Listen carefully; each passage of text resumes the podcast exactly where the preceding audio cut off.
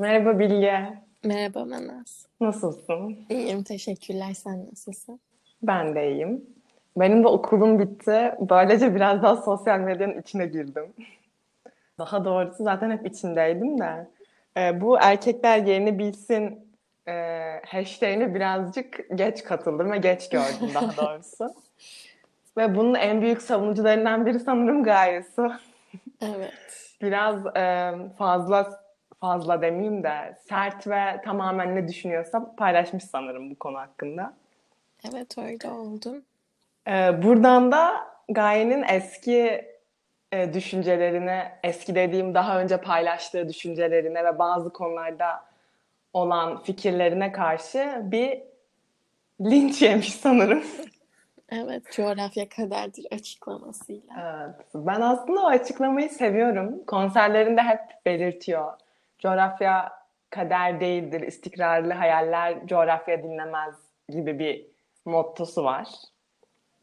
Ben bunun hiç gerçekçi olduğunu düşünmüyorum ama insanlara umut vermesi açısından güzel. Yani hayata küsmektense böyle bir açıklamaya bağlanıp bir şekil, bir umut yaşamak daha iyi sanırım. Ya, ama gerçekçi o kadar olduğunu da- hiç düşünmüyorum. O kadar da bir umut yaşamak tarzında değil bence aslında. Yani coğrafya kaderdir deyip de oturmuyoruz zaten evimizde.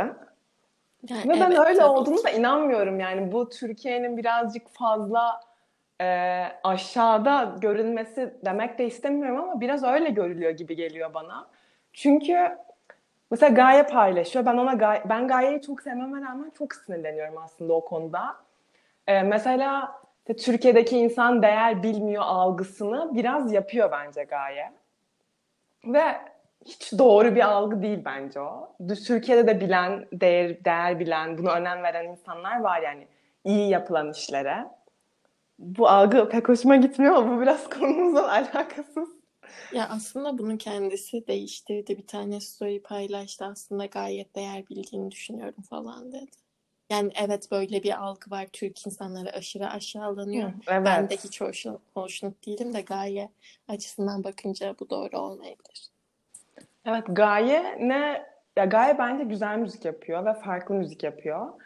Ee, ne doğu ne de batı olarak sınıflandırabileceğimiz tarzda. Belki ikisinin sentezi. Kendisi de söylüyor aslında Anadolu'dan çok etkileniyorum diyor. Batılı enstrümanlarla yapıyor. Yani ikisi yani ikisini birleştirmiş bir şekilde üretim yapıyor. Ee, bu konu hakkında biz de Türkiye olarak daha çok kendimize bakarsak da biz ve bizim çevremizdekiler olarak ne doğu ne batı kültüründe büyümüş insanlarız. Belki biraz daha batıya yakın. Sen ne düşünüyorsun? Bu Doğu Batı meselesi gerçekten bir mesele Türkiye için. Hep konuşulan, hep üstüne yazılan, çizilen bir konu. Ve kendimiz açısından düşününce bence bu bizim için biraz daha az bir mesele. Çünkü çok batılı bir çerçevede büyüdük, çevrede büyüdük diyelim. Ee, Bu yüzden doğuyu pek tanımadığımızı düşünüyorum. Doğuya ait değerleri gördüğümüzde çok güzel demekten öteye geçemiyoruz ve bence bu da doğu kültürünü tanımadığımızı gösteriyor. Ama aynı şey ya da benzer şey aynı ölçüde olmasa da batı için de geçerli. Batı kültürünü de tam olarak benimsemiş değiliz bence. Ve bu aslında bizim batı ve doğu arasındaki ara, arada kalmışlığımızı gösteriyor. Ve bilmiyorum bu nasıl çözülebilir, bir gün çözülür mü? Bence çözülmez. Ama Gaye gibi ya da Orhan Pamuk gibi Doğu Batı'yı sentezleyip bir araya getirmek bizim için güzel bir çözüm bence. Çünkü ikisi de farklı ama ikisinin de güzel yanlarını almak bence çok güzel. Burada Evet. da çok güzelden öteye geçmiyor ama hani bizim için iyi sonuçlanacağını düşünüyorum. Çünkü neden sadece bir kültür benimsemektense ikisi de bir arada olmasın ve yaşamasın ve birbirini geliştirmesin. Evet, Türkiye'nin konumu da buna zaten çok uygun. Ama bizim e, şöyle bir sorunumuz oluyor galiba. E, Batılaşma çabaları içinde bir kimlik sorunu ortaya çıkıyor. Yani yenilikler var evet ama arkadan yani alttan gelen bir direnme de var buna. Bence bu aslında bir kimliksizlik oluşturmak yerine biraz yeni bir kimlik de oluşturuyor. Ee, dediğim gibi Pamuk'un romanlarında bunu görüyoruz. Temel konu aslında Doğu-Batı ikilemi değil ama e, genel olarak bu ele alınan bir konu. Özellikle karakterler arasında. Ve hatta karakterlerin bir tanesi genel olarak bu sorunu hep yaşıyor oluyor. Evet. Ben aslında o yüzden Pamuk Pamuk seviyorum ama Pamuk'u şey buluyorum aynı zamanda. Yani evet Pamuk roman yazıyor ama karakterleri zamanla biraz tipe dönüşmüş karakterler. Yani sürekli olarak bu işleniyor. Ben o yüzden böyle Pamuk'a karşı tam net bir sevgi besleyemiyorum. Sen biliyorum çok seviyorsun. Belki bir konu hakkında konuşmak istersin o yüzden. Yani ben az önce Orhan Pamuk örneğini verirken bir yandan da sadece karakterler üzerinden değil Doğu'yu da kitaplarına getiriyor. İşte Hmm. Kara Kitap'ta Hüsnü Aşk'tan yararlanıyor. İşte Benim Adım Kırmızı'da minyatür sanatını bir araya Evet. getiriyor.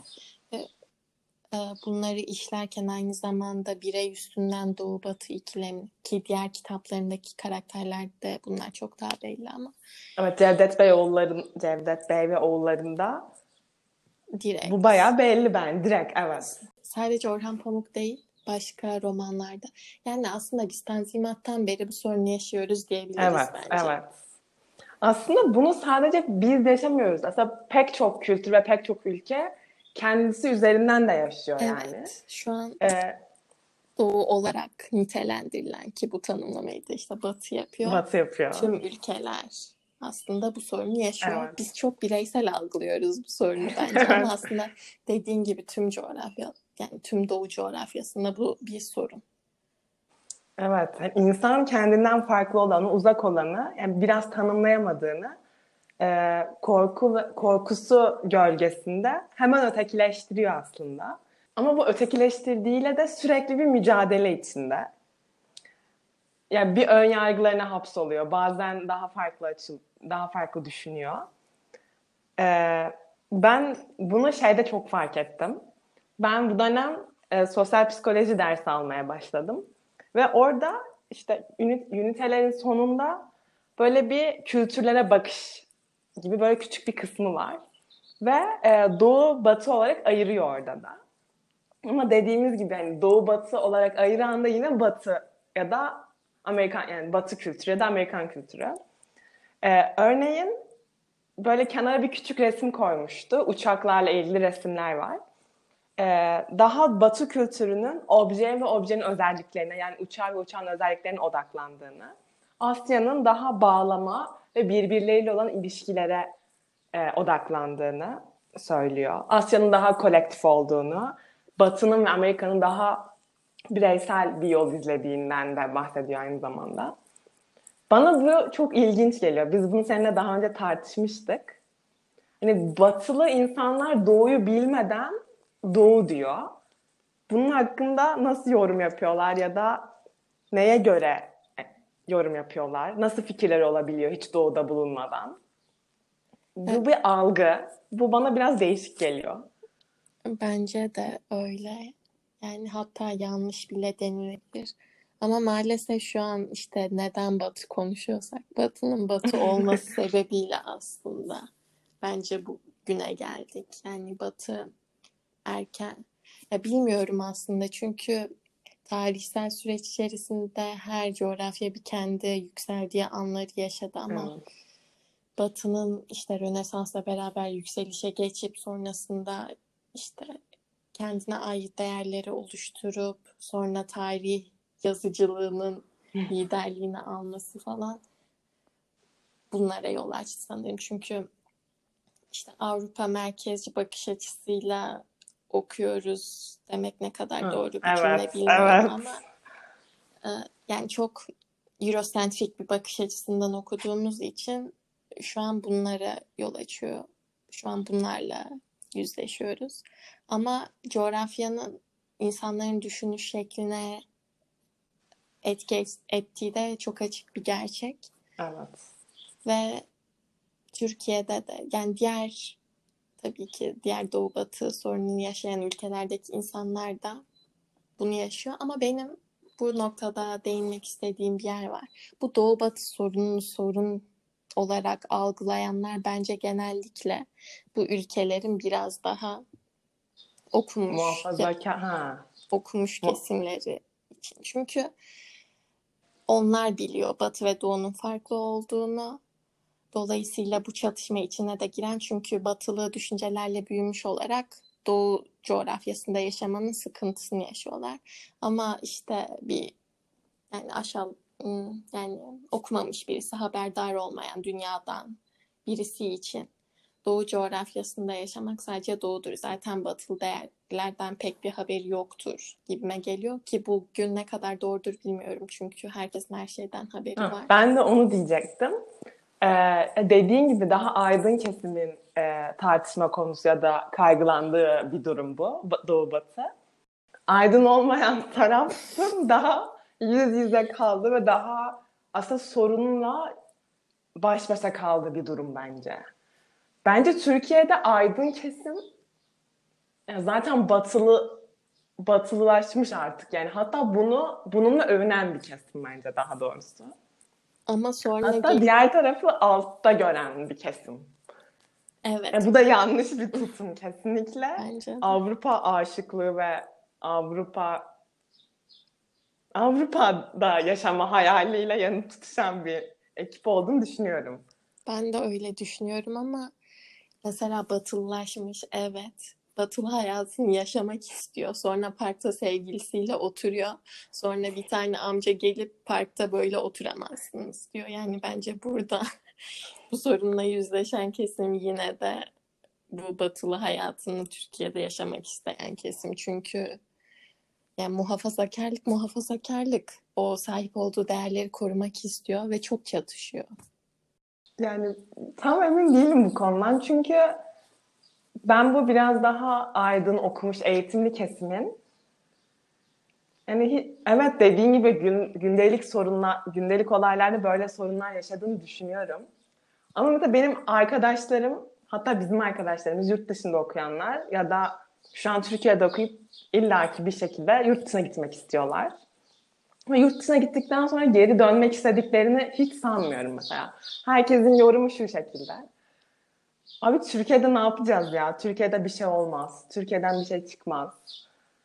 Hani herkes o kadar Av- Avrupa, Amerika odaklı ki bence bu bir sorun değil onlarda. Özellikle bizim yaş e, kitlemizde bir, bu bir sorun değil. Bir sorun değil dediğin şey ne anlayamadım. Bu Doğu Batı sorununu sorunuyla yüzleş, yüzleşmiyorlar bence. Ha evet. Yüzleşmiyoruz hatta. Evet çünkü hani böyle büyüdük ve ama yani bir de şu an bizim arkadaşlarımızın bizim neslin neden bu kadar çok yurt dışına gitmek istediğine baktığımızda da aslında Türkiye'nin batılı değerlerden uzaklaşmış olma ya batılı değer de demek istemiyorum. Onları çok yüceltmiş oluyoruz ama yani insani değerler aslında batılı değerler dediğimiz bir şey, şeyler bizim. Yani herkesin aslında sahip olması gerektiğini düşünüyorum. O yüzden ben bundan sonra insani değerler diyeceğim. batılı değerler demek yerine. Yani Türkiye'nin siyasi olsun, ekonomik olsun çok kötü bir şekilde, kötü gidişatta ilerlemesi ve dolayısıyla da gençlerin umudunun azalması ve bu sebeple de yurt dışına gitmek istemesi. Bilmiyorum bence bu Doğu Batı meselesine çok girmez. Çünkü böyle olmasının sebebi aslında Doğu Batı meselesi. Ama bilmiyorum ben kendi adıma yani Türkiye için çabalamak isterim. Ben Türkiye'yi çok seviyorum. Zeynep sen Strasbourg'da yaşıyorsun. Evet orada okuyorum. Aynen öyle. Ee, biz burada biraz daha e, batıya yakın bir şekilde büyüyoruz. O gittiğimiz okullar daha eğitimi bu yönde. Ama sen Strasbourg'a gittiğinde çok farklı kültürlerle bir arada bulunuyorsun. Hem Fransız var, eminim başka kültürlerden de arkadaşlarım vardır. Bu e, bu durumda sen kendini nasıl hissediyorsun ya da kendinde böyle bir ayrım görüyor musun? Çünkü Türkiye konumu itibariyle iki kültüre de hakim, iki kültüre de sahip yani. Sen nasıl düşünüyorsun? Nasıl? Ya da konuşmak istediğin, belirtmek istediğin bir şey var mı? Ya belli bir şey yok ama bu soruya cevap verebilirim diye düşünüyorum. Ya biz zaten hani siz de dahil daha çok Batı kültürüyle yetiştiriliyoruz. Yani Doğu'dan çok Batı'ya yakınız ama e, Doğu'nun grup e, karakterlerini taşıyoruz gibi geliyor. Yani daha paylaşımcıyız. Ve bu mesela işte ben Fransa'da Fransızların hani bir stereotypical şeyi vardır. Derler ki Fransızlar cimridir ve bu biraz doğru. Hı hı. Mesela hani o, benim davranışlarımda bazen çok şaşırıyorlar. Diyorum ki hani ne fark eder? Hani 5 euro ben vermişim, 5 euro sen vermişsin. Hani onlar da benden öğreniyor. Ben de onlardan öğreniyorum Hı hı. ama hani bu batı kültürüyle büyüdüğüm için de hep böyle şaşırıyorlar bana karşı. Çünkü yurt dışına taşınmış mesela işte orada çalışan Türkleri düşünürsek bizim kültürümüz onlardan bambaşka. Ve böyle mesela Fransızlar veya başka hani Avrupalı insanlar benimle tanıştığında hep böyle aa sen hiç benim tanıştığım Türklere benzemiyorsun diye böyle çok şaşırıyorlar. Bu sana kendini nasıl hissettiriyor? Çok özür dilerim kestim ama yani hiç diğer Türklere benzemiyorsun algısı sende ne hissettiriyor, ne düşündürtüyor? Ya üzülüyorum biraz çünkü hani Türkiye'nin yabancılar için e, yani en azından araştırmayan yabancılar için sadece o işçi sınıfından sınıfını temsil etmesi beni üzüyor ve hani böyle dar bakışlı olmaları. Peki sen Fransa'dayken e, kendini nereye daha yakın hissediyorsun? Yani Türkiye'deyken aslında hepimiz çok çağdaş ve batılı bireyler gibi gözükebiliriz. Bu batılı teriminden ne kadar hoşlanmasan da. Ama Avrupa'da nasıl görünüyorsun sence ya da algılanıyorsun diğer kişiler tarafından? Ya daha böyle egzotik olarak algılanıyorum galiba. Çünkü hani şöyle bir şey var. Türkiye'de ne yazık ki sınıf farkı çok e, gözle görülür bir şey yani hani e, bizler çok şanslıyız hani çok iyi okullara gittik, yabancı diller öğrendik.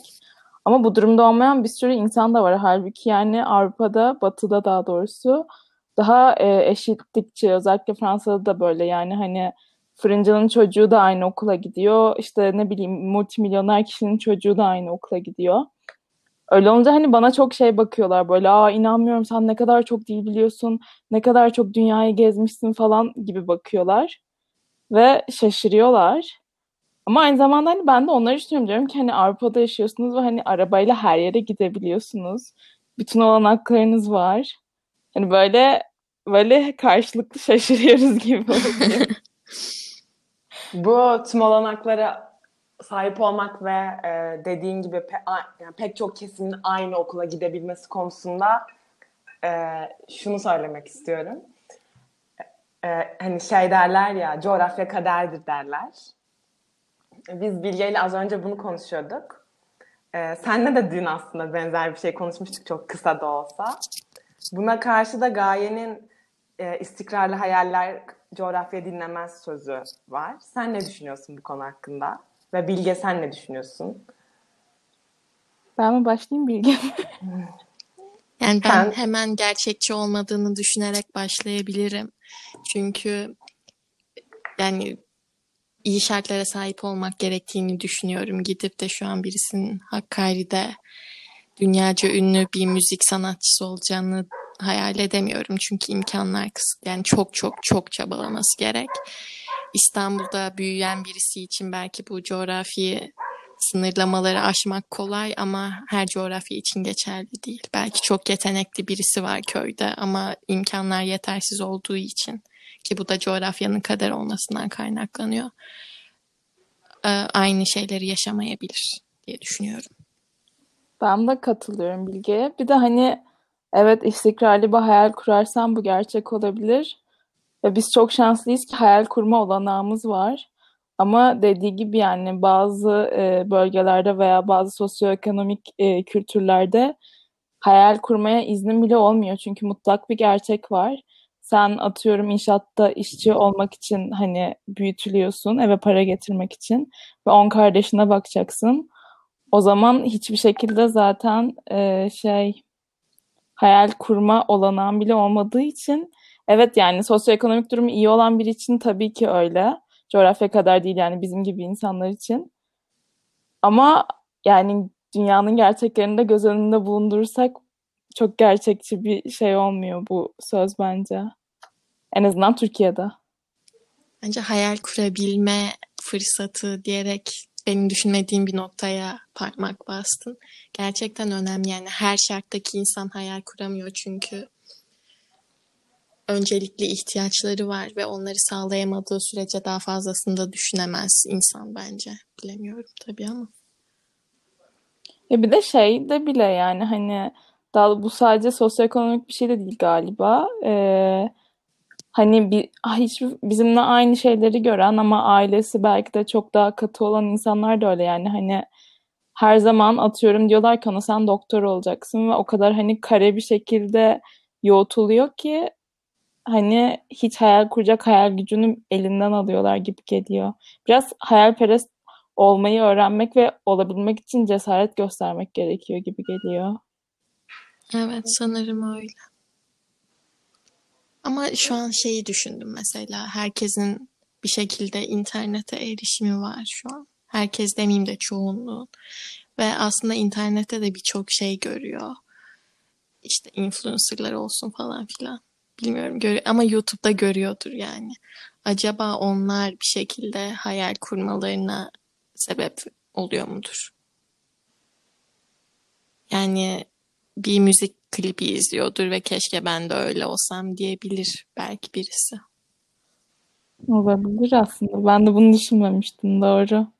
Sen ne düşünüyorsun bana? Sen mi? Ee, ben şöyle düşünüyorum. Ee, evet internet elimizin altında. Pek çok şey görüyoruz evet.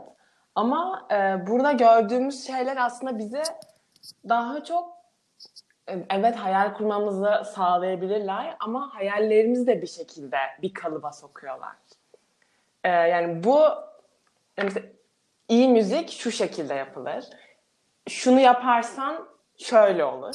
Yani bence bu kalıplar da var ve bu kalıplara girmek de insanları bir şekilde kısıtlıyor. Özellikle ben sosyal medyanın hep e, her anlamda batı yanlısı olduğunu düşünüyorum. Ve bizim gördüklerimizin bizi daha e, ileriye götüreceğini ya da onun daha modern olduğunu, onun modern de değil belki daha iyi olduğunu zannediyoruz. O yüzden ben tam emin değilim aslında. Yani sosyal medya da yanlı davranıyor her konuda. O yüzden bence doğuda yani doğuda demek istemiyorum.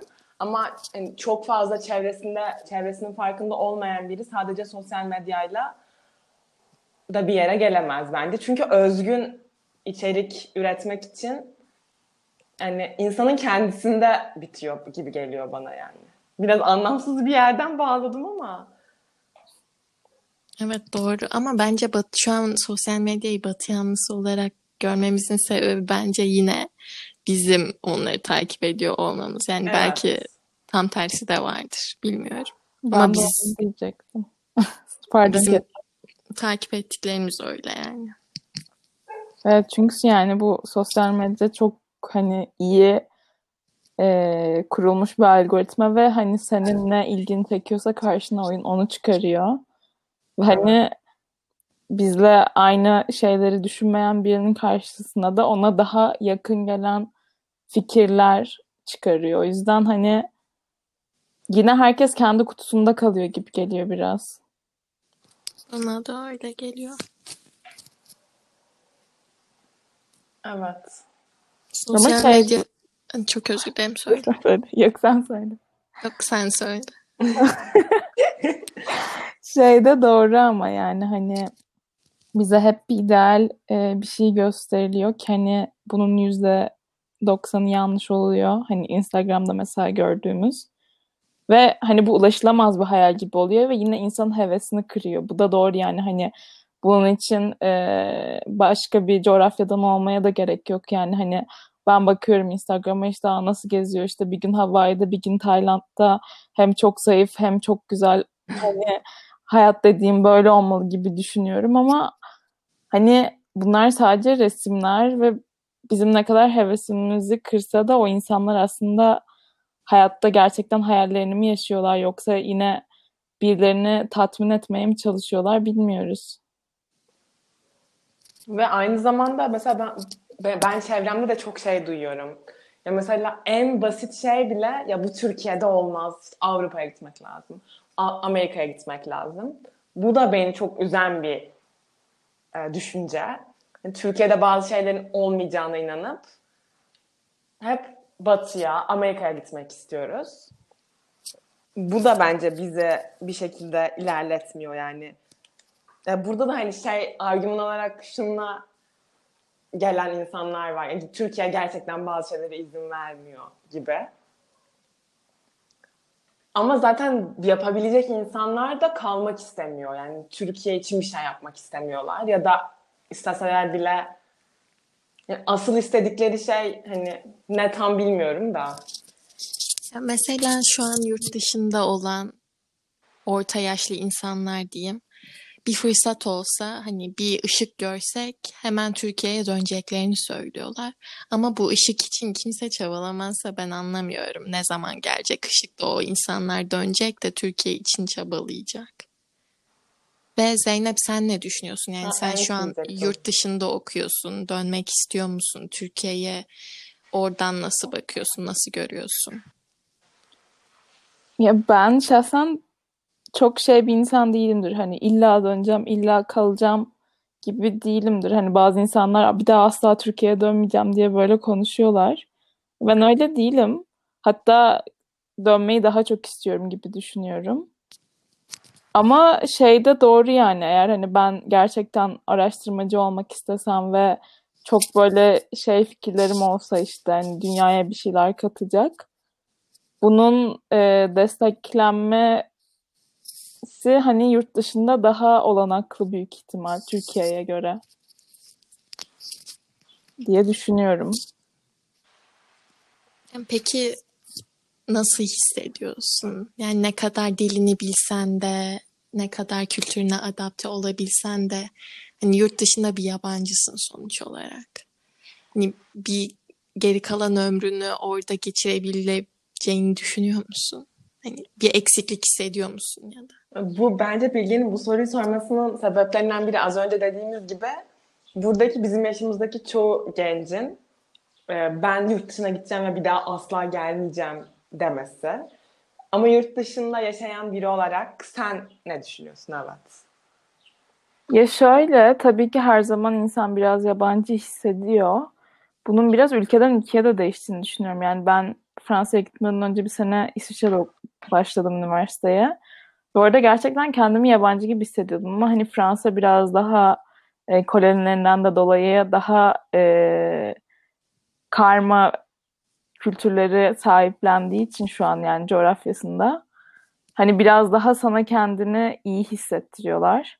Bir de sonuçta ben dilini biliyorum. Mesela işte bir arkadaşım vardı İtalya'da okuyordu ve mutsuz oldu çünkü hani bir ülkede yaşıyorsun ve dilini bile konuşmuyorsun. O yüzden hani ne kadar çok şey paylaşabilirsin ki o kültürde. Ama ben hani Fransız sisteminde okudum. Öyle olunca hani biraz Fransız kültürünü de biliyorum. O yüzden hani kendimi çok da yabancı hissetmiyorum ama tabii ki hani böyle ya of Türkiye'de olsa böyle olurdu gibi düşündüğümde çok oluyor. Bu da hani şeyde çok hissediyorum. Bürokratik işlerde hani biz Türkiye'de çok şikayet ediyoruz. Çok kötü, çok karışık bilmem ne falan diye. Ama Türkiye'de hani bu iyi de olabilir, kötü de olabilir. Hep istisnalar oluyor. Ne kadar bence hani böyle batıya çıktıkça o istisnalar yok oluyor gibi geliyor. Mesela atıyorum sizin bir randevunuz var. Siz 5 dakika geç kalıyorsunuz. O zaman seni Fransa'da asla kabul etmezler.